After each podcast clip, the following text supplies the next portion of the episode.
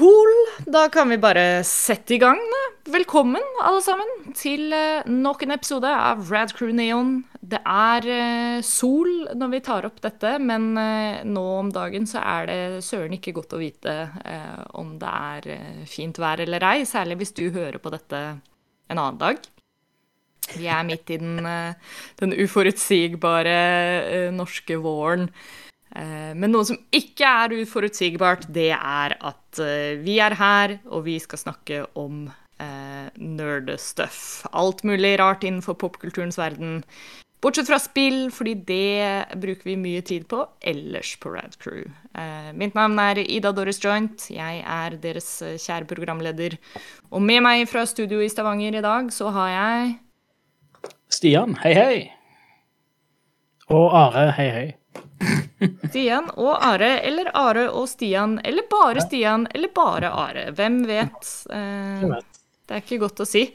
Plutselig så er, er vi to, eller er vi tre her i dag? Det Jeg vet. Vi vet det sjøl. Ja. Ja. det, er, det er bra. Det er good.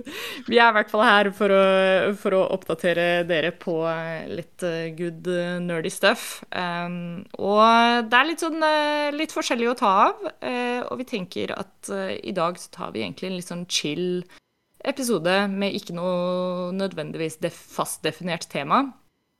For vi har litt forskjellig å prate om. Blant annet så har Stian her har jo vært på en veldig fantastisk reise. Som eh, jeg tror folk er gira på å høre om. Eh, så vi kan jo kanskje egentlig Skal vi starte der, eller? eh? Kan jo egentlig bare Ja. fyre løs. Eh, Ja. Jeg må bare finne opp eh, liten Liten oversikt her.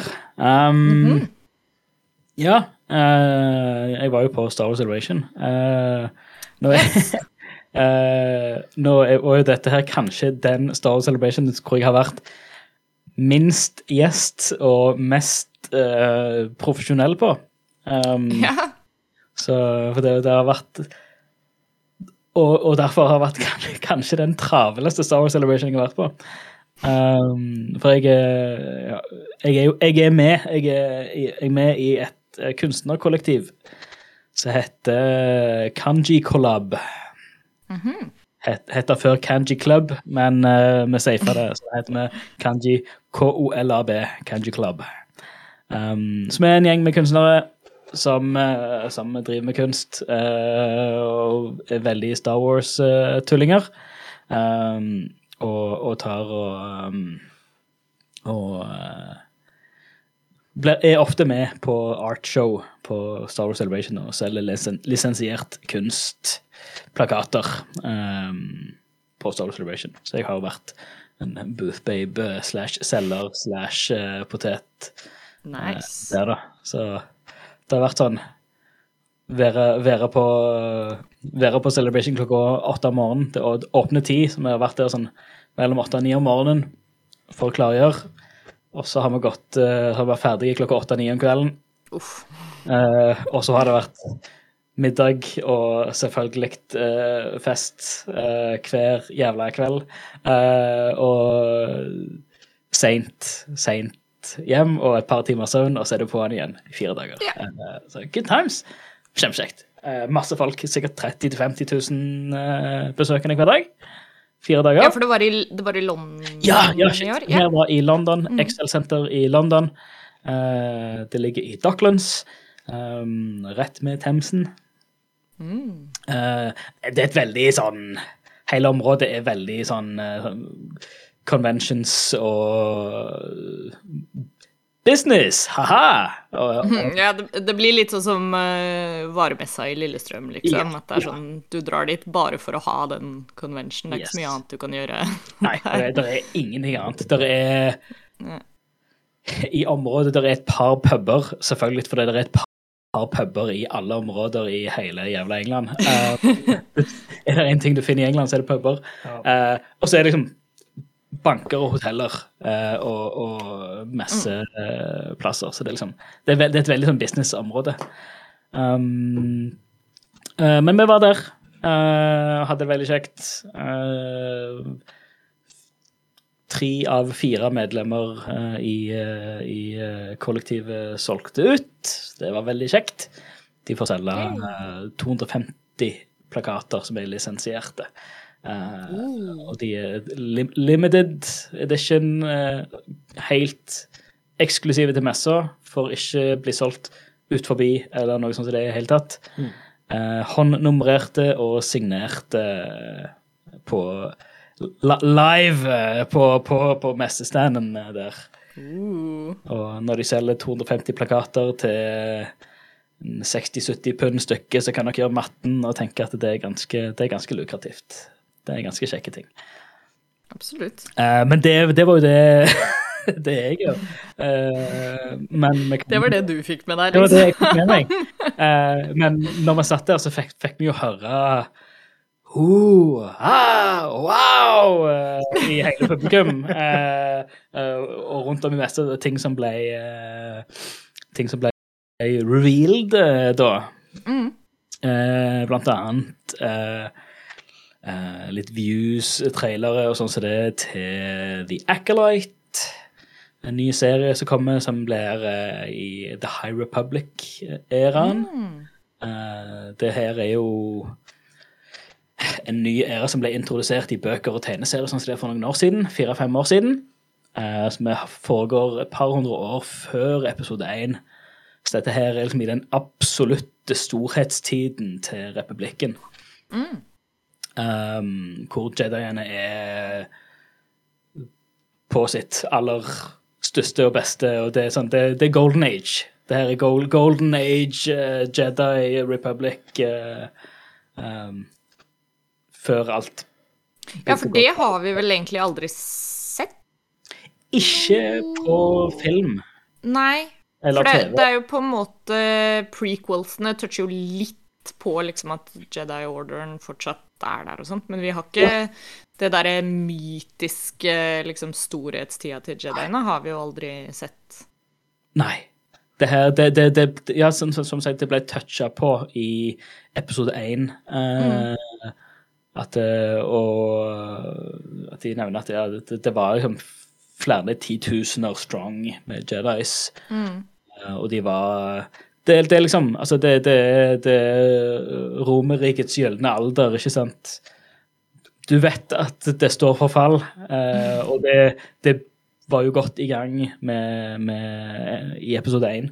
Så det blir kult å se hvordan det ser ut i, i, i Acolyte, da. Um, jeg får høre at Jeg har ikke fått lest de sjøl, men jeg har hørt at de bøkene som ble gitt ut, High Republic-bøkene, er kjempebra. Og det er en utrolig interessant uh, æra. Uh, så det, det, det jeg, jeg gleder meg til å se det. Det blir uh, kjekt. Cool. Um, så er det òg en veldig mystisk serie som heter Skeleton Crew. Uh, om ikke det var den med Jude Law. Uh, Skal vi se, jeg skal bare google litt kjapt. uh. Bare så jeg får en oversikt her. Det blir um, samme, samme tids timeframe som, uh, som uh, Mandalorian og sånt. Så det er en ja, fem-ish år etter Return to Jedi. Uh, så blant annet uh, Jude Law uh, og en hel haug med kids. Og vi vet egentlig veldig lite om det, annet enn at det kommer til, til Det blir en sånn coming of age-story. ja. Og kommer i år på Disney pluss. Um, så her, nå har det faktisk kommet et lite premiss her. The series follows four kids who end up on an adventure to make their way home after being lost in the galaxy following a discovery they make on their home, home planet. Så Jude Law uh, spiller en Jedi, vet vi, og så er det en hel haug med ukjente kids. Så det blir gøy. Det blir spennende. Det tror jeg kan bli sånn koselig. De, de nevner at det er, sånn, det er veldig i stil med sånn gamle Amblin Entertainment. eh, Ja, det, det, var den, eh, eh, det var den viben jeg fikk bare av beskrivelsen, Mm. liksom. Eller det var det jeg tenkte var sånn Å, jeg håper det blir noe sånt. Ja. Så jeg tror det blir mer det, det, blir, det blir mer adventure. Ja. Skikkelig sånn 80s adventure. Ja, det er kult. Litt Goonies, litt ET. Uh, Åh, Vi må, vi må få den æraen tilbake av sånn uh, storytelling. Det, er liksom, det, det var et lite håp der om at Stranger Things på en måte skulle reignite en sånn type æra, men uh, Mm. vi får se. Kanskje det bare trenger litt mer tid. Ja. Eh, og skal vi se, kan jeg gå på neste announcement som kom, var at de har annonset tre nye live action Star Wars-filmer. eh, som blir eh, regissert av henholdsvis James Mangold, Oi. kjent fra blant annet Logan. Eh, Dave Filoni, kjent fra blant annet eh, å være basically George Lucas jr. Boss of Star Wars at Boss the moment. of Star Wars. Eh, og et navn som er litt ukjent for meg, men Sharmid Obaid Chinoy. Um, Pakistansk-kanadisk, kanadisk, står det her. Um, eh, filmmaker and, journalist, filmmaker and activist, står det her. Kjent for Hun har jobbet med filmer som har eh, fokusert på um, som ser, gender inequality against women. Oi. Så det kan bli spennende Det å få det her inn i en Star Wars-film. Det er bra for, uh, for Star Wars-discoursen på nettet. yes. oh, jeg gnir meg i nevene. Ah, hvis du trodde Ja. folk syns eh, Star Wars var woke allerede, Ja, da og ikke nå nok, ikke nok med det. Oi! Hennes film eh, kommer til å Det er selvfølgelig ingen tittel ennå, Nei. men hennes film er satt 15 år etter The Rise of Skywalker. Oi! Eh, og kommer til å ha Daisy Ridley i hovedrollen. Uh. Hvor det basic blir hun som skal rebuild The Jedi Order etter alt er tapt. Ah, det er så gøy. Mhm, Så det blir spennende. Det kan bli litt kult. Uh, ja. Uh, James Mangold sin film blir uh, Skal handle hva det er, flere titusener av år. Eh, eller flere tusen år. Det her blir Old Republic. Det er Pre-Old Republic. Oh, ja. Så det skal handle om den første Jedien. Wow! Yes. Så han, det, sånn han, han har sagt det sjøl, at det, med mindre at du Han prøver å få det til at det blir, det blir nesten sånn at med mindre at du vet at det er en Star Wars-film, så skal du egentlig ikke merke at det er en Star Wars-film. For det termene Altså, altså all term, terminologien er jo ikke satt på denne æraen. Det her handler om når The Force tar, tar kraft i, i, i en uh, Om det blir et menneske, eller om det blir en, eh, en alien, eller i en person. Det hadde vært nesten litt kult om de hadde gjort det sånn split-style der, da. At de bare hadde sluppet ut filmen som noe helt annet, og så bare innser Ja. du helt på slutten bare sånn Oh shit, det er Star Wars! Ja, sant? Det men, var jeg, men jeg skjønner jo at liksom Produksjonsmessig så er det dumt å slippe en Star Wars property uten å si ja, det. sikkert ikke til å være noen lightsabers der. i hvert fall. Nei. Så det er.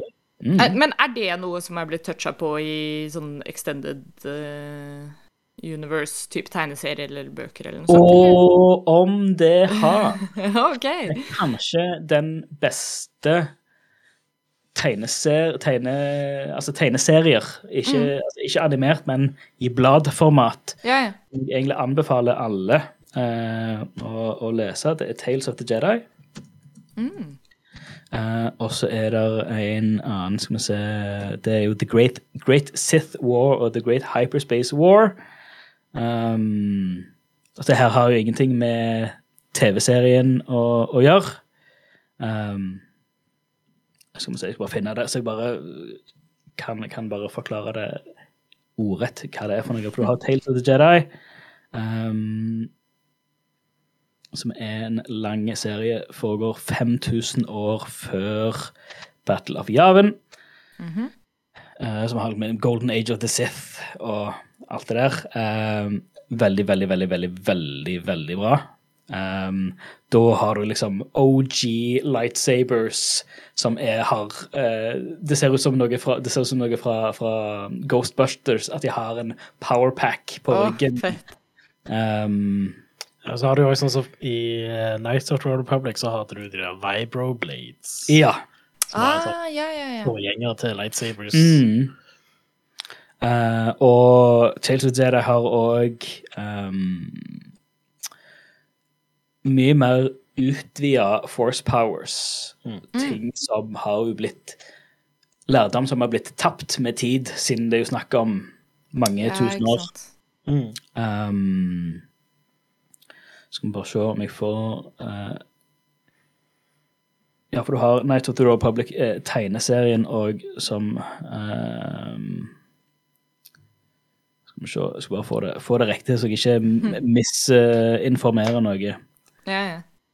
Um, Men har det vært, eh, har det vært noe Ja. liksom For der er det mye som er liksom tidlig æra Jedis og sånt, men dette Ja. med sånn den første Jedien, er det noe som Ikke den første? Jedien. De, de toucher på origin av Jedis i den tegneserien. Eh, jeg skal ikke, skal ikke dig, digres,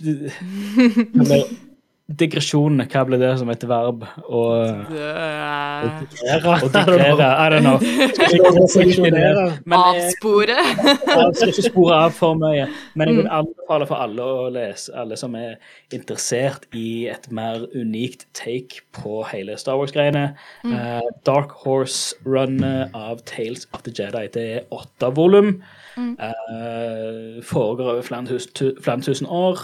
uh, og er episk. Uh, Bokstavelig talt episk. En, en ting der, en sånn force power som ikke har blitt toucha på noe særlig siden, er uh, force meditation. Hvor de har sånn Jedi Masters som sitter uh, basically når, I store kriger så sitter det Jedi Masters og basically bare mediterer for å påvirke sinnene til, til både sine egne og motstandere. Så de bøffer sine egne, og de Ah. bøffer motstanderne. Så de, de får motstandere til, til å tvile på seg sjøl. Uh, og mens de får de bøffer de, eh, sine egne folk fordi at eh, Yes, nå skal vi, skal vi, skal vi klare dette her, liksom.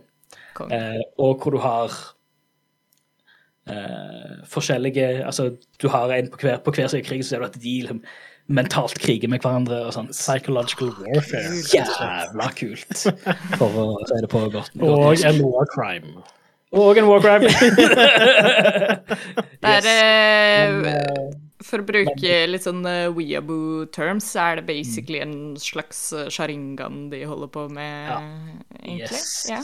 Ja, Litt sånn det er så så jævla bra. Den hele den. Både tegne- tegneserien til Natural- Night of the Royal Republic, men spesielt Tales of the Jedi, er pissebra. Fett. Eh, det, er, kanskje, det er kanskje noe av det beste som kommer ut fra, eh, fra Dark Horse-æraen av tegneserier. Det og Empire var mwah, Chef's kiss. Eh, men ja, eh, Dave Filoni skal også regissere en Star Wars-film som han sjøl har sagt kommer til å være litt sånn eh, Den kommer til å knytte sammen alle storylines som han har lagt i alle de seriene som har kommet ut nå, med Mandalorian og Boba Fett. Ah, og Soka og alt det der. Uh, og det kommer ikke til å avslutte det, men det kommer til å være en litt sånn et, sånn, et klimaks, på en måte. At alt Sånn blir special sammen event, eh, en special event. Det er litt sånn Infinity War-type yeah. greier. Um, som blir veldig spennende. Det ble jo hans debut som uh, spillefilmregissør, da. Ja, det var det jeg Han har jo tenkte. klart det meget bra i, eh, i, i TV-verden med tanke på at han Han ja, var jo lead på, på Clone Wars, skapte Rebels og Bad Batch og Ja. alt det nye er jo Det er jo Skal vi følge, skal vi følge Rad Farrell. Creneon-teorien om at eh, lidenskap er liksom den, the secret ingredient, eh, så, så vil jeg jo tro at han kommer til å gjøre en kjempegod jobb uansett. mm. Eh, Ja, så var det litt uh, teasers til Andor sesong to. Hell yes. Beste av Star Wars har kommet ut siden The Return of the Jedi. Det er ikke kødd heller. Nei. Det er jækla bra. Ja. Um, ja, nå ser jeg faktisk i den artikkelen, så jeg bare, bare har en sånn recap-artikkel, der skriver at ja, Skeleton Crew ser ut som det blir gal The Galaxy's answers to The Galaxy's answer to the Goonies. Oh. Eh, ja, det som også er tingen med The Acolyte, det kommer til å starte blant annet Carrie Ann Moss. Oi! som en Jedi. Kult. Det blir gøy. Det blir gøy. I'm here for it. Oh yes. Uh, de droppa òg første traileren til Asoka, som kommer nå til høsten. eh, som jeg gleder meg som en drittunge til. Uh, som blir jo basically Det her er jo bare Dave Filoni som får lov til å fullføre Rebels, eller Clone Wars og Rebels i bare en svære fanfare med å bare livecaste alle de animerte rollefigurene som han har skapt. Uh, med Rosario Dawson og Mary Elizabeth Winstead som Hera. Uh, blir amazing. De hadde en onstage reveal av Grand Admiral Thrawn. Og det ble jo Lars Mikkelsen, bror til Mats, eh, som voica han i Star Wars Rebels òg. så det, det var veldig sånn spekulasjoner om var sånn, Han var jo fan-favorite. Herregud, vi må jo få han som har voice han i, Ja. i flere sesonger av Rebels, til, å- til å faktisk spille han live òg. Så han hadde en, en live reveal der på, Ja. på scenen. Meget, meget, meget kult. Uh, den kommer i august. Um, så de visste også en Siden det var Star Wars Celebrations, viste de en trailer til Indiana Jones. Of course. Eh, Går som hånd i hanske, det. ja. Um, det var en eksklusiv teaser til Bad Batch sesong tre, som ikke har kommet ut. Uh, um, Ja, den er ikke ute på nettet. Den er ikke ute du måtte nettet. være der for å se den. Det var, ja. Uh, Sånn var det òg med, med selve den revealen på Lars Mikkelsen. Den traileren som er på YouTube, da ser du bare bakhovet hans, mens de som satt i salen, fikk en liten extended med håper jeg, full, full frontal view. Av, eh, av Uh. Thrawn. Det har vært eh, price of admission, bare det. Samme var det vel med Acolyte-traileren òg. Acolyte uh, ser òg ut til å være veldig sånn martial arts-fokusert. martial arts Jedis. Nice. Uh, Tales of the Jedi sesong to kommer på bursdagen min. Takk for det. Det gleder jeg meg til. Det blir nå på torsdag den Hell 4. mai. Siden det er. Star Wars-dagen. Yes. Eh, så det blir gøy. Uh, nei, ikke, ikke Tales of the Jedi. Jeg mener Visions. Star Wars Visions. Sorry. Nå, uh, Ja, det var det. Jeg begynte å lure. Jeg var sånn Tales of the Jedi sesong to kommer. Mm. Men Visions volum to, som er jo den samlinga av eh, forskjellige animasjonsstudio sin, sine interpretations av forskjellige Star Wars-historier.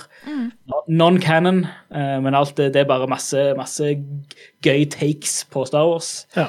Litt sånn som det- The Animatrix var for The Matrix eh, Yes. for 20 år siden, Ja, eller hva det er. men Animatrix er canon. Ja. Alt Ja. er canon. Dette er litt sånn Love Death Robots, liksom. Yes, er-. Samling forskjellige Star Wars-stories. Mm. Det kommer nå på Star Wars-dagen, eh, min bursdag eh, 4. mai. Uh, blant annet det som er jækla kult, er at Ardman, kjent fra Wallace and Gromit, de de skal animere én. Uh, og Kommer det til å være stop motion? jeg tror det. Ja, det må jo nesten være det hvis det er uh, Ardman Studio. Eller ja, de har jo et par uh, sånne Eller så kjører de 3D-animerte også, Ja. men de har fortsatt den derre Ardman-stilen, liksom. Det blir Ardman, full Ardman-stil. Ah! Eh, men der skal ah, okay. Dennis Lawson spille. Og for de som vet Woo! hvem han er, så skal han eh, spille sin karakter igjen, som er Wedge fuckings Antilles. Ah! Så gøy! Dette her er meg som gnir meg i nevene. Å, det blir kult. Så det er jo liksom det, det som var de største største uh, revealser, da. Eh, Det er, det er gøy. Jeg, jeg, har ikke, jeg har ikke lest noen nyheter som kom ut av Star Wars Celebration, så det var fint å få den Ja, recapen nå. Det eneste jeg så, var at det var bare liksom så holdsom uh, mottakelse av uh, Hayden Christensen igjen. Fy søren. Da blir man litt sånn eh, varm i hjertet av det. Eh, det, det skjedde. Jeg gikk, for, jeg gikk i gangen forbi da det skjedde. Mm. jeg hørte bare osen av publikum. Jeg var, jeg var på et da. Ja. Det var så, det var så jæklig med folk. Det var så tett med folk. Ja. Så da var det sånn så, Vi satt der i booten bare så at det, det, det minska litt med, med folk. At det, nå, nå er tiden for å kjøpe et brett med kaffe. Ja. Så jeg sprang bort til kaffestanden og bare fikk med meg masse kaffe. Og så ser jeg jo at det, så kunne jeg se inn i et av de store rommene da, at hvor de hadde en eh, Star Wars live stage, at da sto liksom Hayden Christensen sto og bare vinka Oh. tett med folk. Og my God. ja, det var nice. Og Jeg så òg Ewan McGregor på langt hold. Mm. Eh, Så Og han i, i kikkerten. ja, så, så han der fra, fra, fra, fra, fra langt, langt vekk ifra. Mm. Um, så, men alle, alle var der jo, basically. Altså, alle skuespillerne var der jo. Uh, Så, så det, det, det er kult. Um, gleder meg til, til å se hva, hva mer som kommer hva, hva, hva som kommer i år, for det kommer veldig mye kjekt i, i år. Um, og som var Nabostanden vår var basically barnehagen. Uh, der er, der er, hvert år så er det en liten sånn for de minste, type liten Kall det en innhenging. Ja. Uh, hvor de viser De, de har, de har, har eh, folk som kommer og s, s, har lite show for kids og sånn som det. Og uh, Ray Park har vært veldig aktiv med det. Jeg vet ikke om han var der i år, jeg tror han er litt busy. Men tidligere så har Ray Park, eh, sånn som, som spilte Darth Maul eh, live Mm. Uh, han har vært veldig aktiv der uh, og hatt sånn lightsaber instructions for de minste. Um, og nå viste de òg litt av den nye Det kommer et, ny- et nytt Star Wars barne-TV basically, som heter Young Jedi Adventures. Som har en helt nydelig animerte stil. Det ser det, det er nesten så jeg har lyst til å se det, se det sjøl, selv om det er sånn barnslig barne-TV. For. Men det kommer jo selvfølgelig på, på Disney Pluss. Um, eller Disney Pluss og Disney Junior på TV, da. Um, men ja Blir veldig, veldig sånn barne- barne-TV-type serie, da. Men lekkert, lekkert, lekkert animert. Veldig kule childish stil på det. Uh, med blant annet Yoda i hovedrollen, så det tror jeg blir veldig koselig. Oh my god. Så Vi viste litt av det på storskjerm for, for kidsa som satt der. Det var veldig lunt. Veldig koselig. Moro for unger. Ja, det er litt for alle. Yeah. Det, det er så kult. Det, det kommer så masse. Eh, og, men fellesnevneren blir at ekte Star Wars-fans de kommer til å hate alt. Ja, Yay.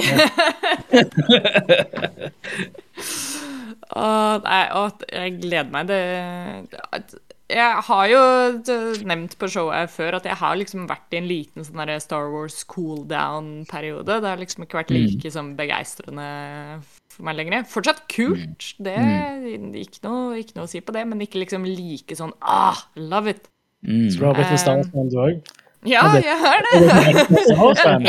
Endelig er jeg blitt Star Wars-fan. Nei, nei, altså, jeg syns eh, det, det jeg, jeg tror ikke jeg får lov eh, av, eh, av det vide web å kalle meg Star Wars-fan, for jeg syns at um, den Herregud, nå husker jeg ikke hva den heter, men den Ryan Johnson uh, uh, The Last Jedi. Ja. Uh, jeg syns den var dritbra. så så da er jeg diskvalifisert. Eh, men, uh, men nei. Uh, mye av det du beskriver der nå, høres jo kjempekult ut. Altså eh, Mer liksom sånn law og worldbuilding i Selv om det har eksistert lenge i liksom extended universe sånn sett, så er det jo kult å kunne få det på storskjerm og litt mer sånn Hva skal man si eh, Fordøyelig. Ja, det, det er så, så kjekt med å se alt det, det nye som kommer, og spesielt med Dave Filoni bak. alt. Han har jo vært, alltid vært veldig Veldig aktive altså etter Disney-oppkjøpet og etter de resetta Cannon, på en måte. ja. Um, som, som fikk mange, mange fans som ikke vet hvordan eh, tegneserier fungerer, eller opphavsrett fungerer, eller ikke har kjennskap til verken Marvel eller DC, Uh, med at det er forskjellige, forskjellige canons, eller forskjellige timelines, eller eh, kall det hva du vil. Um, så har uh, Dave Filoni vært alltid veldig aktiv med å si at det um, Etter vi rebranda det gamle til Legends, at det, there is always truth in legends. Uh, og han har vært veldig med på å plukke opp alt det som var kult. Det var vel han som var hovedansvarlig for etableringen av den nye canon nå, eller eh, han var Han vel har vært- ganske, han- ganske involvert? Han, har, han er jo hva er det, Chief Creative eh, Director, ikke det? han er? Eller Chief Ja, Creative Officer. sånt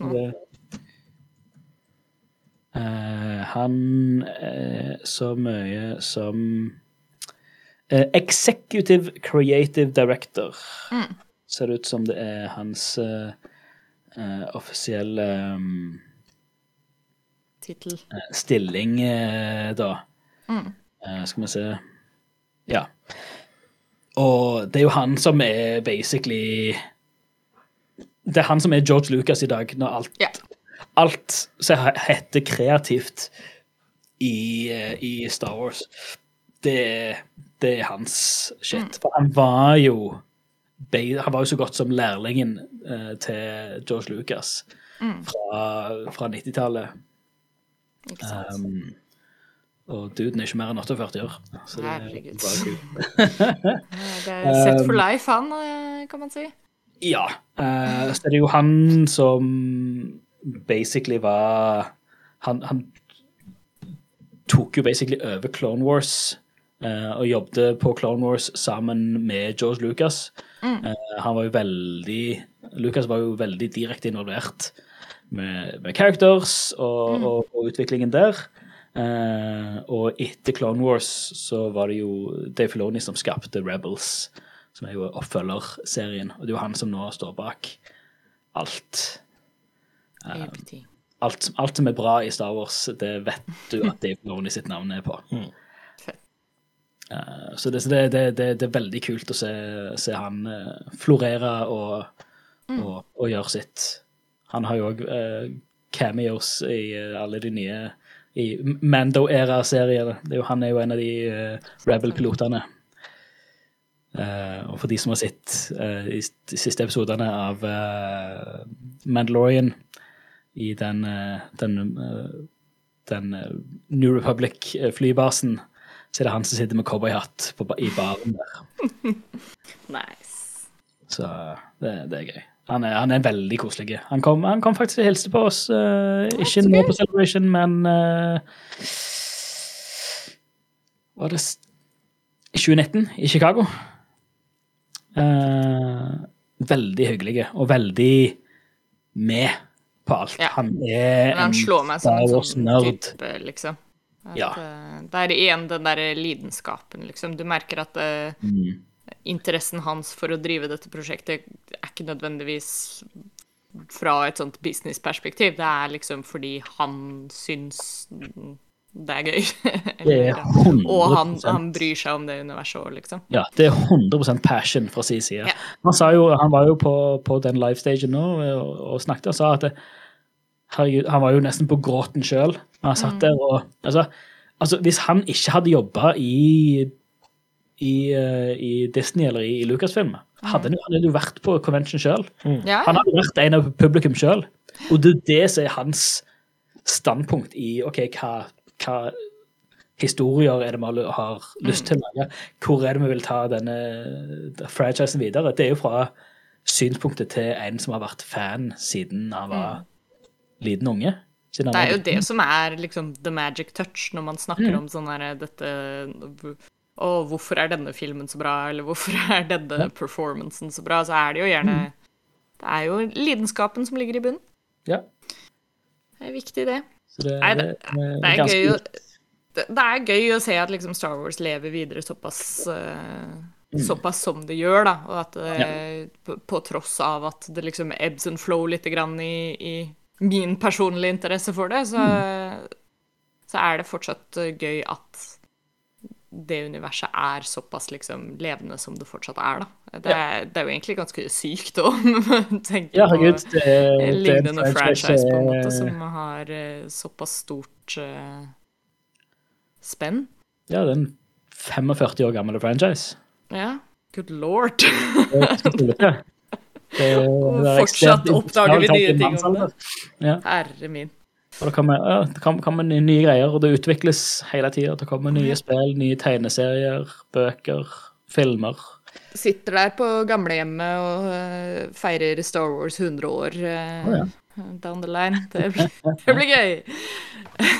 Hell yes. Men det, er jo, det er jo et utømmelig univers. Ja, ja. Altså, det, altså, bare der, ved å sette historien i liksom et univers, så, så har du det, the Ja. Possibilities are endless. Ja, og det, det beviser de òg litt sånn med de filmene som de har annonsert nå. At det, det er Den ene filmen kommer til å handle titusener av år før alt vi har sett til nå.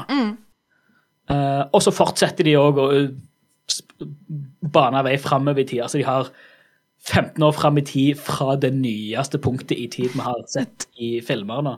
Så de, de strekker jo bare tidslinja og, og bare gjør det til et stort, levende univers med, med tidsspenn som er på sikkert 100 000 av år til slutt. Ja, Gikk good lord.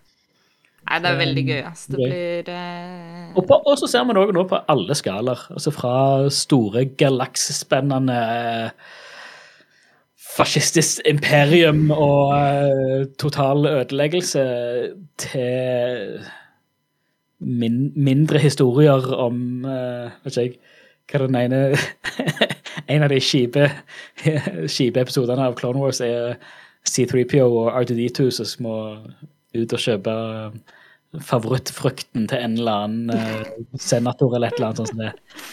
Filler. klassisk uh, filler. Det er deilig. Du, du har et så stort spenn i hva som kan fortelles, og hva som fortsatt gjør uh, historier interessante i det universet. Fett. Nei, det blir gøy å se hvor de tar det videre, ass. Men eh, Ida, du har endelig lest noen bøker som jeg anbefalte deg. Ja, jeg skulle Stian serverte meg liksom tidenes Segway der nå, med å være liksom sånn herre Å, det er så spennende å se hvilke universer man kan utforske, og hva man kan gjøre. Eh, jeg tror jeg har nevnt det, men, men jeg tror kanskje jeg ikke hadde lest ferdig alle bøkene da. Men eh, jeg har jo det, er jo først og fremst så har jeg bare fått leselysten tilbake. Ja, det. Eh, og det syns jeg er kjempebra. så hittil i år eh, så har jeg lest tolv bøker. Eh, og det er mer enn jeg sikkert har lest til sammen de tre siste åra. eh, øh, og det hele starta egentlig med at ehm, eh, min kjære eh, lord and savior Hideo Kojima eh, har, jo, eh, har jo hatt en podkast på Spotify, som for øvrig er veldig å anbefale. Eh, Den er oversatt til engelsk også, så det er ganske god produksjonsverdi og masse kule intervjuer. Men i en av episodene der så forteller han om han har en sånn greie hvert år i samarbeid med noen bokbutikker i Japan, hvor han gir ut sin liste av liksom eh, Som kalles for eh, Hideos Mysteries. Som er Jeg tror det er en fast liste på tolv bøker. Eh, som er liksom Dette er hans favoritt-krim- eller mystery novels fra eh, Ikke nødvendigvis fra det året, men som han har lest det året. Eh, og det var der det begynte for meg, var at jeg hørte på denne episoden og så sånn hm, Kanskje jeg skal Noen av de bøkene han beskrev, hørtes veldig kule ut. Eh, og så leste jeg noen av de. Eh, og det var sånn jeg fikk leselysten i gang igjen. liksom var å lese disse spennende bø- Hvem skulle trodd? Det hjelper å liksom lese én sånn spennende bok, så er det sånn Å, shit, jeg må lese Ja. mer. Um, eh, og da da begynte jeg å notere meg eh, For han har gjort dette et par år, men det er ikke alle listene som ligger ute. Men fra i fjor så hadde han jo eh, Eller forfjor så hadde han anbefalt da eh, Three Body Problem av eh, Yu Zixin. Eh, kinesisk science fiction-forfatter. Eh, og da begynte jeg å lese den, og nå har jeg lest alt som den forfatteren har skrevet. Bortsett fra to bøker. Det er, det er to bøker jeg mangler der. Men uh, hold shit, for en Det er noe av det beste science fiction jeg noen gang har ikke bare lest, men sånn konsumert Ja. på tvers av film, TV, bok. Uh, Ja, den der Remembrance of Earth's Past-trilogien er helt ja, altså den er, den er helt vill. Uh, og uh, Altså, nå er jo jeg veldig glad i science fiction, men nettopp det jeg er glad i med science fiction, eh, er han her en helt sånn syk mester på. Han skriver det i etterordet. Eh, jeg tror det er i etterordet til Three Body Problem. Eh, så skriver han selv at liksom Det han liker med science fiction, er på en måte eh, ikke det å være sånn der klassisk sånn derre Oh, it's actually a story about uh, current times. Eh, men han liker mye mer den derre hard science fiction hvor du forteller på en måte eh, hva som kan skje. Eh, og også utforske eh, det fra et mye mer sånn hard science fiction-perspektiv, da.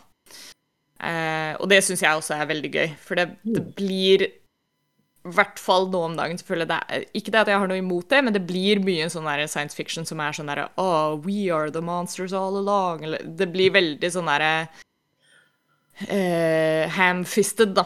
Eh, At du skjønner at ja, det er en postapokalyptisk historie, men den prøver egentlig å fortelle oss noe om verden i dag.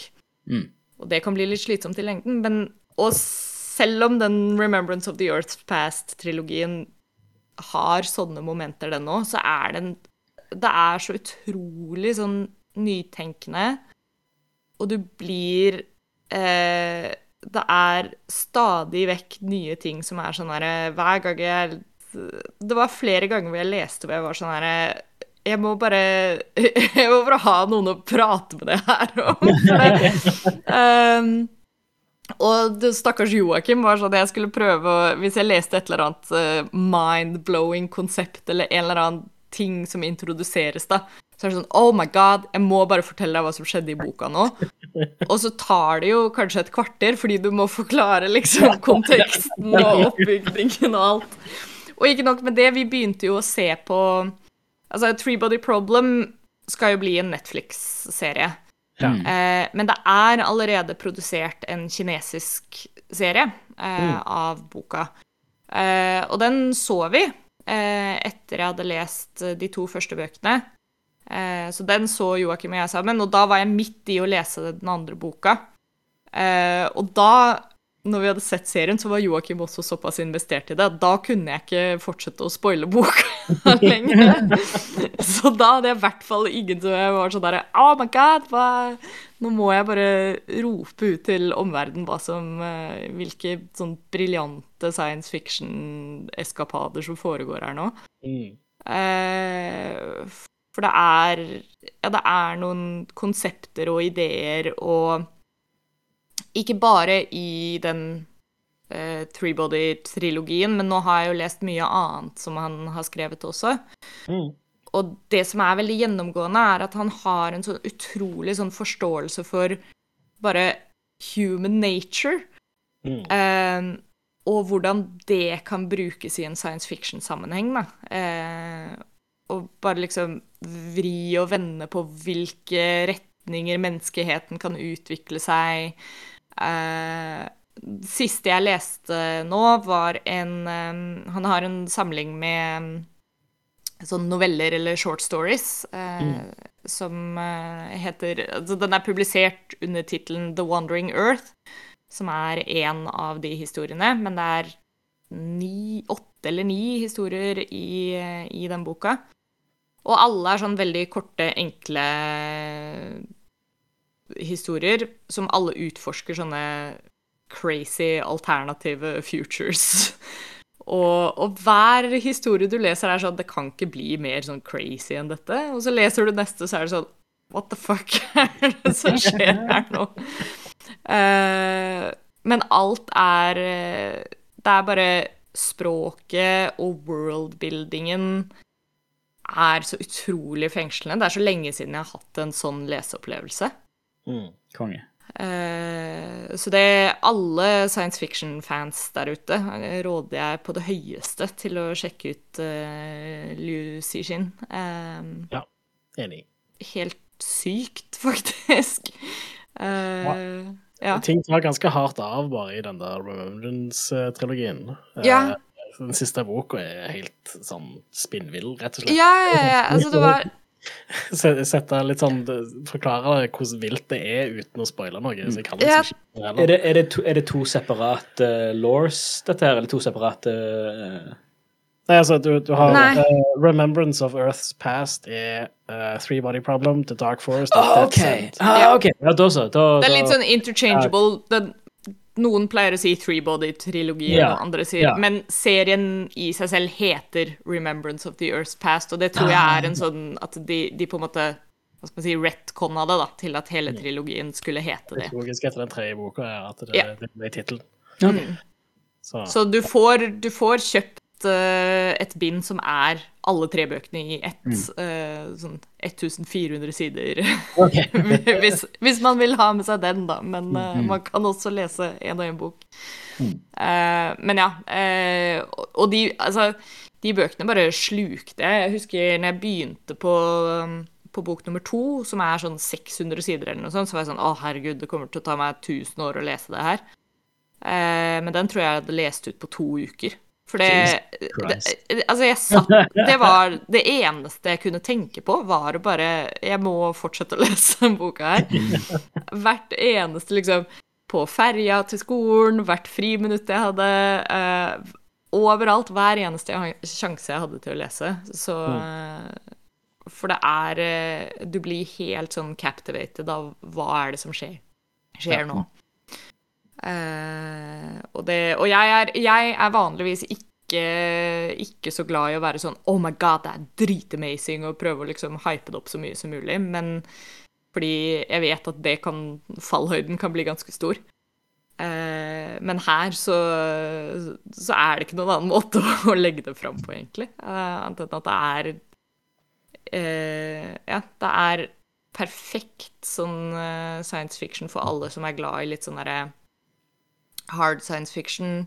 Mm. Og ikke minst så er det veldig sånn poetisk òg. Eh, det ikke så Det er ikke bare den, den derre Du får ikke bare den science fiction, det, eh, fiksen. Det er liksom eh, Det er mye sånn gode human moments og emotions og ja, bare hvordan ting blir lagt fram og beskrevet, da, er så veld... Det er en så intrikat forståelse av hvordan menneskeheten funker, da.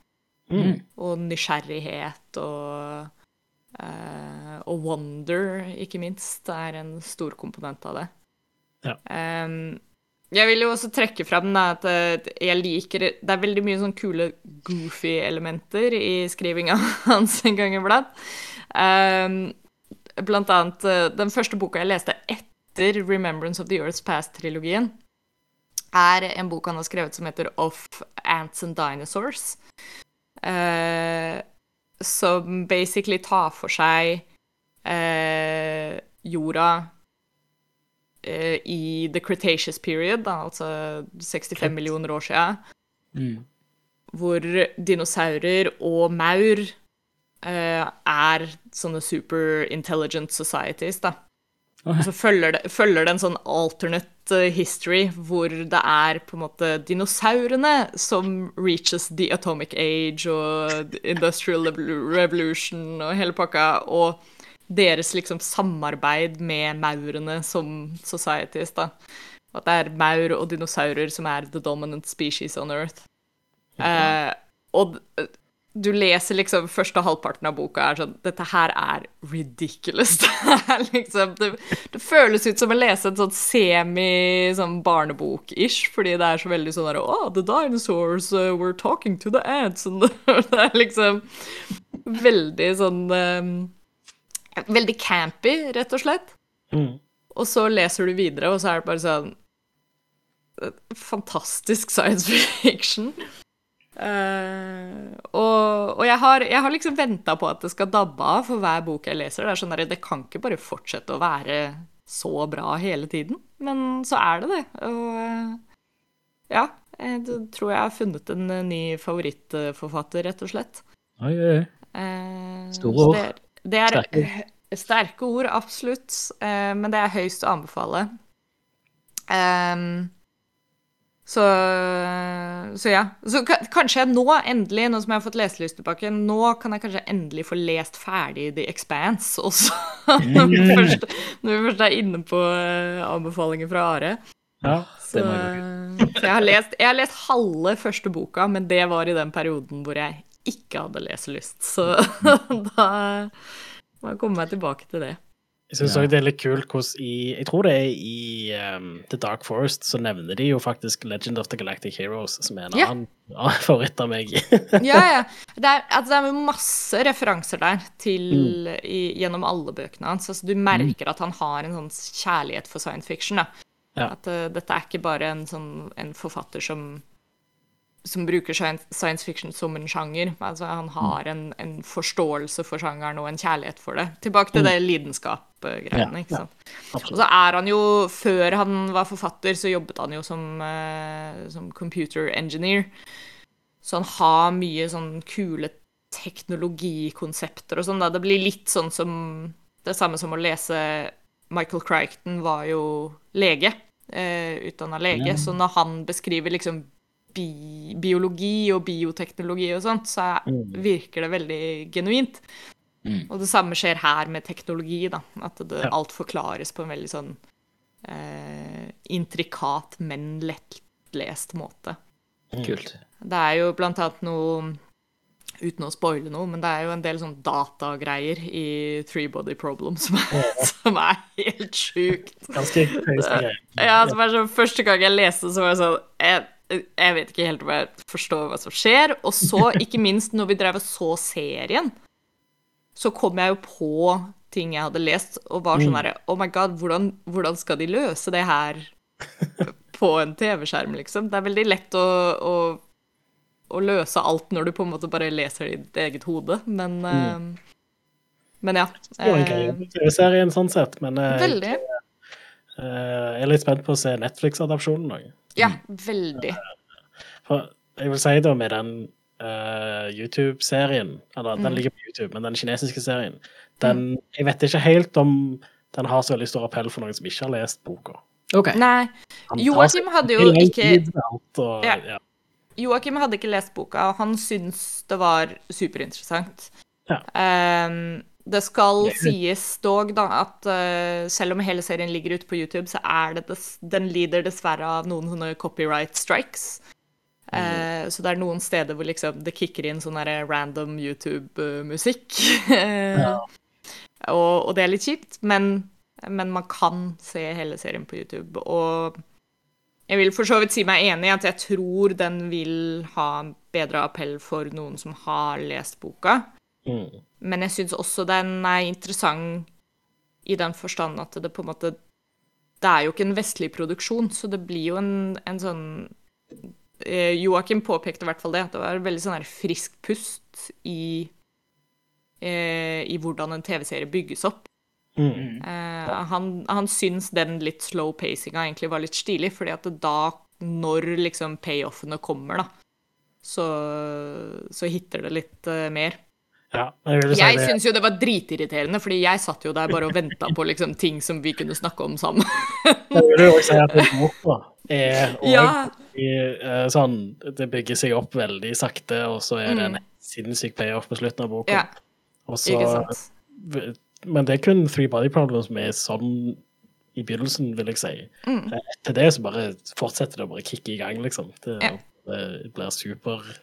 Nå har jeg ikke, nå har jeg ikke sett den, men jeg, men jeg, så her om dagen også at den, den ene shortstoryen, den The Wandering Earth, det er mm. også en Netflix-film. Eh, og den, altså, den kom i 2019, eh, og har liksom bare gått eh, helt under radaren. Men den ligger på Netflix, så, så hvis folk har lyst til å sjekke ut på en en sånn bite-sized versjon før de kaster seg ut på disse 1400 sidene eh, med bok, eh, så er det Den er vel en og en halv time, tror jeg, en film. eh, som er basert på den, den ene short storyen, eh, som er ganske kul. Um, ikke, som sagt, jeg har ikke sett filmen ennå, men jeg har lest storyen, og den er, den er ganske artig. Kult. Um, så det kan anbefales. Yeah. Yeah. Ja, men jeg trenger noe til å kicke i gang leselisten igjen, for den, yeah. har, vært, eh, den har vært vekke i noen år nå. Så Ja, men da kan jeg absolutt anbefale den Threebody-trilogien, altså. Fordi at den eh, Ja, den vekka i hvert fall noe i meg som var sånn Herregud, nå eh, Det klikka liksom jeg, det- jeg kom tilbake Altså, jeg har jo lest masse igjennom de siste åra. Jeg hadde jo en periode for et par år siden hvor jeg leste meg gjennom nesten alt av Tolkien, for eksempel. Mm. Og det er jo veldig gøy, det òg. Men eh, nå er jeg i en sånn periode hvor jeg endelig er tilbake til den derre som alle beskriver. Sånn derre sånn der, Å, når du leser en bok, så kan du fortape deg i en annen verden. Og sånne ting. Nå kjenner jeg skikkelig på det. Eh, Så jeg lurer på om jeg må lese 'Ringenes herre' på nytt igjen med, med den innstillinga. Fordi når jeg leste, det, leste den for, for fire år siden, så da var det mer i Da var jeg mer i en sånn 'nå leser jeg en bok'-mindset. Ja, det var- det var Ringenes herre som hadde drept min uh, boklyst en stund, så Ja. Ikke sant? eh, vent med Ringenes herre til du har lest Ja. ferdig Expanse, i hvert fall. Mm. Altså, Men- Legends of Galactic Heroes er ti fantastiske bøker, det òg, forresten. Ja, for, for det er også bøker? Ja, det, serien er basert på bøker. Ah, Ah, ja, ble det er bra. nylig oversatt til engelsk. Får jeg slenge det på, på lista? Nå har jeg jo reaktivert eh, Goodreads-kontoen min og hele pakka. Og det, det er jo også et sånt godt leselystinsentiv. Det er jo Ja. gamify lesinga lite grann. Mm. Eh, så Men ja, for alle som har, eh, har lyst på noe eh, godt lesemateriale, så kan jeg høyst anbefale mm, I hvert fall i det minste les den første boka, og så, og så se Jeg om det kost- kosta hva var det, 87 kroner på Kindle, så Ja. Ja. jeg må gjerne Kjøre la på. på Kindle igjen. Altså. Oh yes. Ja, nei, det var veldig gøy. Og eh, hvis noen vil ha en, eh, en eh, siste anbefaling fra meg av hva jeg har gjort i det siste altså Jeg har lest uh, mye science fiction, og så har jeg lest Jeg har lest en manga, faktisk. Eh, hvis man vil ha noe litt sånn mer holdsom og koselig. Eh, det er to volumer av den ute nå, eh, og det er en manga som heter Dinosaur Sanctuary. Ja, det og det er akkurat det det høres ut som. Eh, Jeg tror beste måten jeg kan beskrive det på, er at det er, det er wholesome Jurassic Park. Mm. Eh, det foregår i en sånn alternate reality hvor eh, Hvor de liksom oppdager eh, en, en øy hvor dinosaurene aldri ble utrydda. Eh, Og det gjør at de da kan breede dinosaurer på nytt igjen, og da åpner det liksom dyreparker over hele verden som er dinosaur zoos, da, eller sanctuaries. Om ikke Eh. du posta en Instagram-story om den Mm, ja, jeg tror det. Det kan godt hende. Jeg mener, det er der jeg husker Ja. det fra. For det jeg husker fra det skulle, jeg skulle si til deg, Ja. men jeg, jeg, har selvfølgelig glemt det. Men Mm. For jeg så For jeg mener, jo, du posta noe greier på en, en Instagram-story, så tenkte jeg oh shit, dette her må Ida ja. Så sa jeg, Og så var det meg. OK, greit. Men ja, uh, så det, hand, det, er, det er bare sånn klassisk liksom, manga-style. Det handler om en sånn uh, ung, klumsete jente som da får seg eh, jobb i en av disse dinosaur sanctuaryene, og hun er sånn derre Oh, I've always wanted to work in the dinosaur park. Og så er det bare deres liksom daglige problemer, da. Og, og hoved, på en måte, konflikten er at den parken hun jobber i, har liksom mista populariteten, da. Eh, så det er sånn herre Oh, will the park shut down? Eller hva skal vi gjøre for å tiltrekke oss mer turister? Og eh, liksom dinosaurer er litt sånn old news, da. Eh, Så, men ja, veldig holdsom, og ikke minst veldig sånn Ikke nødvendigvis scientifically accurate, for det finnes jo ikke dinosaurer nå om dagen. Men det er en eh, paleontolog som har vært konsulent på, um, på mangaen. Eh, og etter hver, hvert kapittel så har han et sånt der eget, eh, eget avsnitt hvor han snakker litt om å, her er det som skjedde i det kapitlet, og dette er forskningen som viser til dette. Og... Ja, Så konge. Holdsom og lærerikt for alle dinosaur lovers, nerds eh, der ute. Eh, to volumer ute, og volum tre kommer på engelsk i september, tror jeg. Så good times. Altså, jeg har egentlig bare lest veldig mye i det siste. Det er det jeg har holdt på med. Enn du da, Are? Har du noe du har lyst til å oppdatere oss med? Eh, nå er det jo ganske lenge siden jeg har snakket om hva jeg har gjort, og sånt så jeg har gjort ganske mye siden sist. Men det jeg holder på med nå, da, er jeg leser Rhythm of War i Stormlight Archives. Å, hell Å yes. ja! Er det her eh, Stormlight Archives? Er det han forfatteren som har den der progress-baren på nettsida si? Yes. Ja. Brandon Sanderson. Brandon The Machine Sanderson. Ja. Jeg har bare lest de to første bøkene i den serien. ja. Holy shit. Det er- og, jeg hører, og jeg hører at bok fire Rhythm of War er bonkers. Ja. Jeg hører at det skjer fucka ting i den. Så Jeg, jeg tror ikke jeg har kommet helt til Jeg, holder, jeg er nå i oppbyggingsfasen Ja. av boka, rett og slett. Eh, Mm. Men altså, jeg, jeg digger jo det rollegalleriet og sånt, så jeg ja, sluker det opp. Det, men jeg er nå nokså tidlig ute i boka, så eh, det har ikke skjedd bonkers ting ennå. Okay. Men jeg har også hørt at det skjer bonkers ting Ja, i løpet ja. boka, så jeg er ganske gira på å komme til det. Um, så ja, men for de som ikke har lest Stormlight Archive, så er det noen helt fantastisk bra fantasy-bøker. Det er ikke sci-fi. mm. Uh, med en helt sånn utrolig unik setting, Ja. som er veldig kul. da. Så uh, big recommend. begynner med um, The Way of Kings heter Mm. første bøker. Ja. Første bøker. Boka. Bøker. Bøkene. Ja. Jeg, så jeg også, så er det ganske tjukke bøker òg, men jeg leser de på Kindle, så jeg har ikke Ja. peiling på hvor Ja, dette de her, er. liksom. det er sånn tusensidersbøker. eh, Ja, det er det, ja. ja. Eh, Lydbøkene er på sånn 50 pluss timer hver. Så jeg, jeg har hørt de på lydbøker. Lydbøkene er fantastiske. Eh, Kanskje, fordi- det, kanskje det skal være en eh, idé? Mm. Dette, her er, dette her er lydbøkene jeg hører på hver sommer når jeg går tur rundt eh, vannet som er rett, mm. rett attmed der jeg bor. Mm, mm. Nice. Eh, det har kommet til den grad at hvis jeg tilfeldigvis er ved det vannet, eller går forbi det vannet, og kjenner lukta fra det området, fra det vannet, så kommer jeg rett inn til Da er det Får sånn der Pavlovian response eh, til eh, Da er jeg rett inn i den verden. Um, Herlig. det, den verden er så fantastisk unik. Det er jo en verden hvor uh, eh, crustaceans, skalldyr, er det var, det var skalldyr som utvikla seg i, på den, uh, i den verden istedenfor pattedyr. Mm. Pattedyr er sjeldne. Men Return to crab. Er, nesten alt er turn to crab. Så der er, der er noen I'm sold. Ja, der nevnes at det er noen sånn royalties og sånn som det. De har hester. Og det er sånn Wow.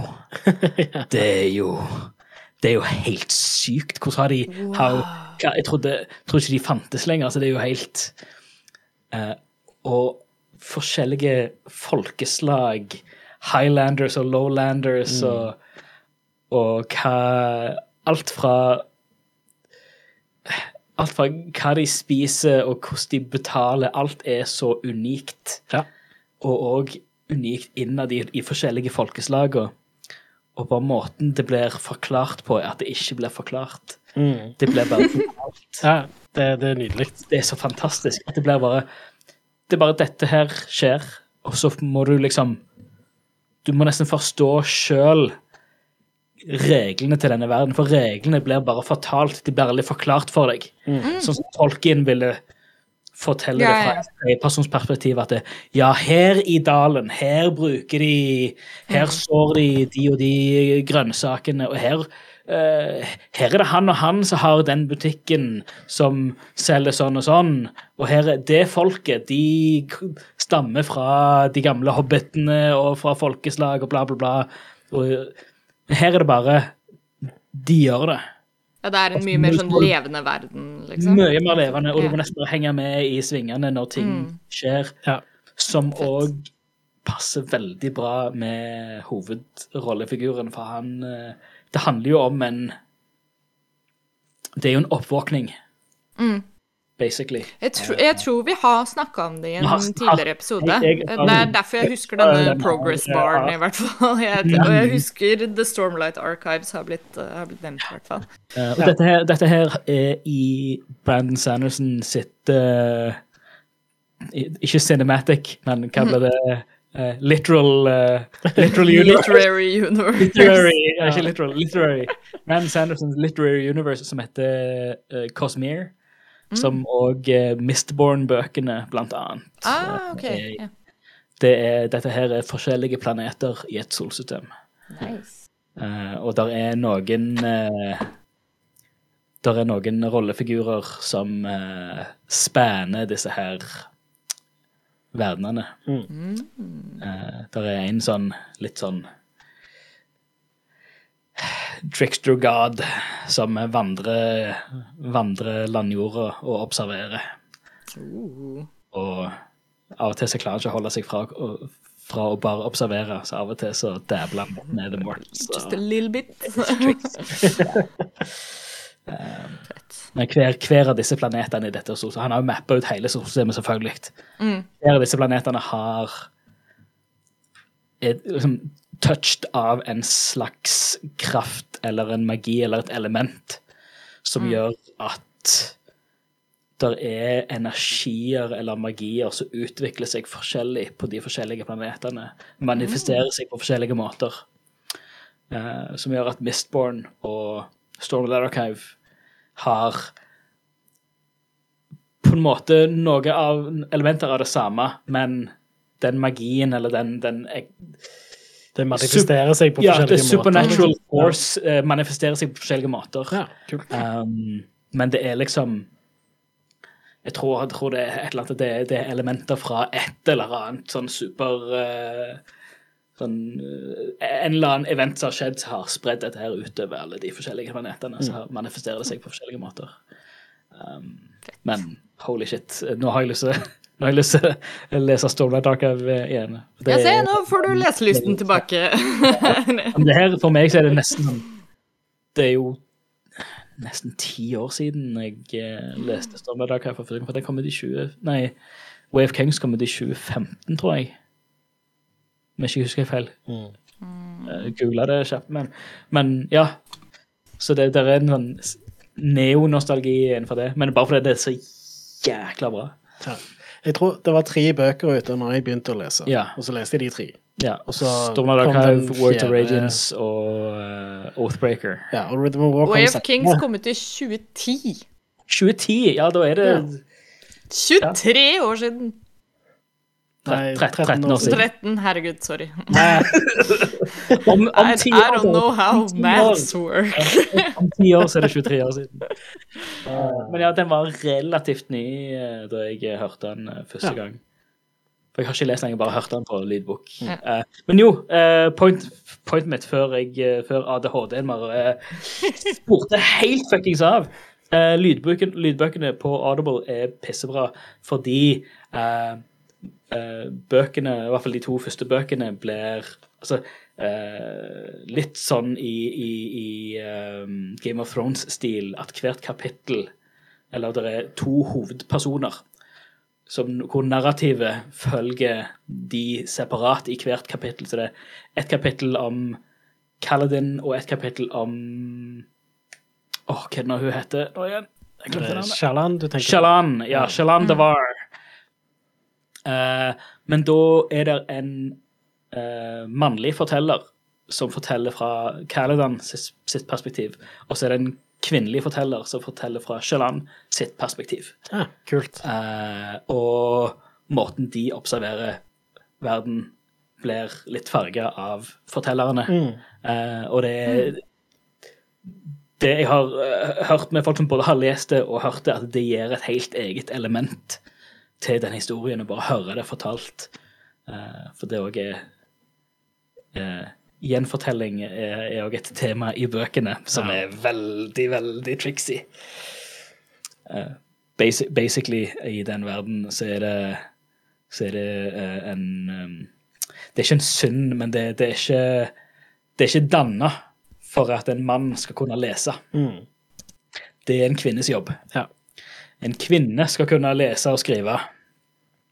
Så det er eh, kvinnens jobb å skrive ned alle all, histo all historie i den verden er skrevet ned, altså er diktert av kvinner. Så i mange av de liksom eh, sitater og sånt, eller gjenfortellinger, eller whatever, diktasjonene fra konger og verdensledere og, og viktige personer har alltid fotnoter fra de, fra de som har diktert det. Og det blir alltid gjenfortalt fra et annet perspektiv. At ja, når han sa dette her, så så så det ut som han løy litt. Men han så ut som han malte på litt når han fortalte dette her. Så ja. Ja, det uten, uten å gå, gå for langt inn for det, men det, det er en sånn en Hele verdenshistorien er en, en unreliable narrator-type sak. Litt sånn som vår verdenshistorie. Litt sånn, litt sånn som vår historie! det- Kan jo ikke nødvendigvis stole på noe bare for noen har skrevet det ned. liksom. Nope. Så ja.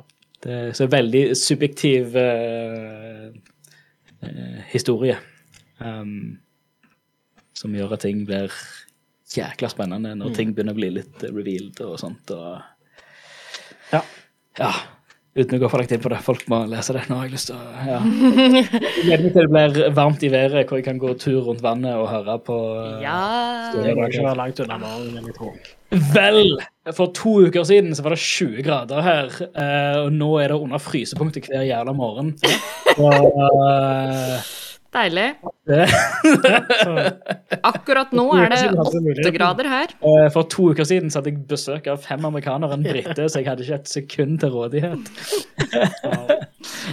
Bare sånn Sorry, guys, I have to listen to my audiobooks. Ja, sant. Nei, det er digg å Det er digg å lese. Eh, Det er det. Det er det. Bøker Jeg, jeg. Jeg er så glad for at jeg er tilbake på å lese. Det skal sies nå, da. Jeg, eh, jeg har jo en Kindle, jeg òg, men alle disse tolv bøkene jeg har lest hittil i år, alle de har vært i fysisk format. Mm. Um, tungvint. ja, eh, litt tungvint, men jeg tror, det, jeg tror det har også hatt noe med at, eh, at jeg har hatt uh, leselysten litt tilbake òg. For det er, det, er, det er noe med den derre prosentreaderen på Kindle som er litt sånn stress-inducing, og så er det noe med å ha en sånn ja, sant. Jo, men da har du sider òg. Da er du sånn herre ah, nå, har, nå er jeg bare på side 50. Mens hvis jeg leser en fysisk bok, så kan jeg liksom se Jeg kan ta en bunke med sider og være sånn Så mye har jeg lest i dag! så, og så blir man litt sånn stolt av seg sjøl. Så jeg tror jeg bare bruker disse papirbøkene nå som oppvarming på å komme meg tilbake på Kindlen. Mm. Eh, for nå, nå er leselysten der, i hvert fall. Så Det er good. Nydelig. så det er nydelig. Så da, da kan dere glede dere til alle neons eh, fremover kommer til å være oppdatering på hvilke Masse, bøker jeg har masse lest bra det sci-fi-anbefalinger. Jeg er down på det, jeg, altså. Ja, ja, ja. Altså, jeg har eh, nå, Akkurat nå så er prosjektet mitt å lese Dette her er ganske unbelievable, egentlig. Jeg, føler alle har jo en haug med bøker i bokhylla si som de aldri har lest ferdig. Eh, det er prosjektet mitt nå, er å lese gjennom alle bøkene som jeg, har som jeg har begynt på, som jeg ikke har lest ferdig. Og utrolig nok så er det bare 16 bøker. Mm. Eh, Ja. Høres overkommelig ut. ja. Eh, men de har jeg i hvert fall i min to read-liste. Og så har jeg også Etter, etter at jeg leste ferdig Treebody-trilogien, så slang jeg ut en, et spørsmål på Twitter hvor jeg ba folk anbefale meg rare, crazy bøker. Um, og da har jeg fått en god del anbefalinger der, så jeg har en sånn to read-liste på sånn 60 bøker nå, som er, eh, er sikkert nok av spenstige stories som kommer der fremover. Så det blir gøy. Um, men det skal nok ikke bare bli litteratur. Vi har jo uh, masse annet å by på uh, her på Rad Crew. Eh, ta en tur inn på radcrew.net for å se hva for noe vi har å by på der. Hvis du er lei av oss snakke om popkultur, så kan du høre oss snakke om spill istedenfor på hovedshowet. Og ikke minst snakke om Everything and Nothing på uh, Radcrew Nights. Eh, Nei, bullshit. det får du eksklusiv tilgang til ved å gå inn på radcrew.net slash eh, keepitrad. Yeah. finner du info om hvordan du kan få tilgang til Radcrew Nights ved å støtte oss med litt ekstra i måneden. Det kommer godt med. Da kan vi fortsette å, å lage content for dere. Um, ja, og så er det vel egentlig bare å eh, si eh, Skal vi se. Neste Neon kommer ut eh, etter 17. mai, så da får vi hilse alle en god 17. mai. Ja, god 17. mai, folkens. Ja, det føles veldig lenge ut til akkurat nå, men jeg bare så det i kalenderen sånn tilfeldigvis. Kommer det ikke noen ny neon før det. Eh, så eh, god 17. mai og god eh, dag, uke, måned videre. Og så snakkes vi i neste episode av Rad Crew Neon. Bye! Hei da.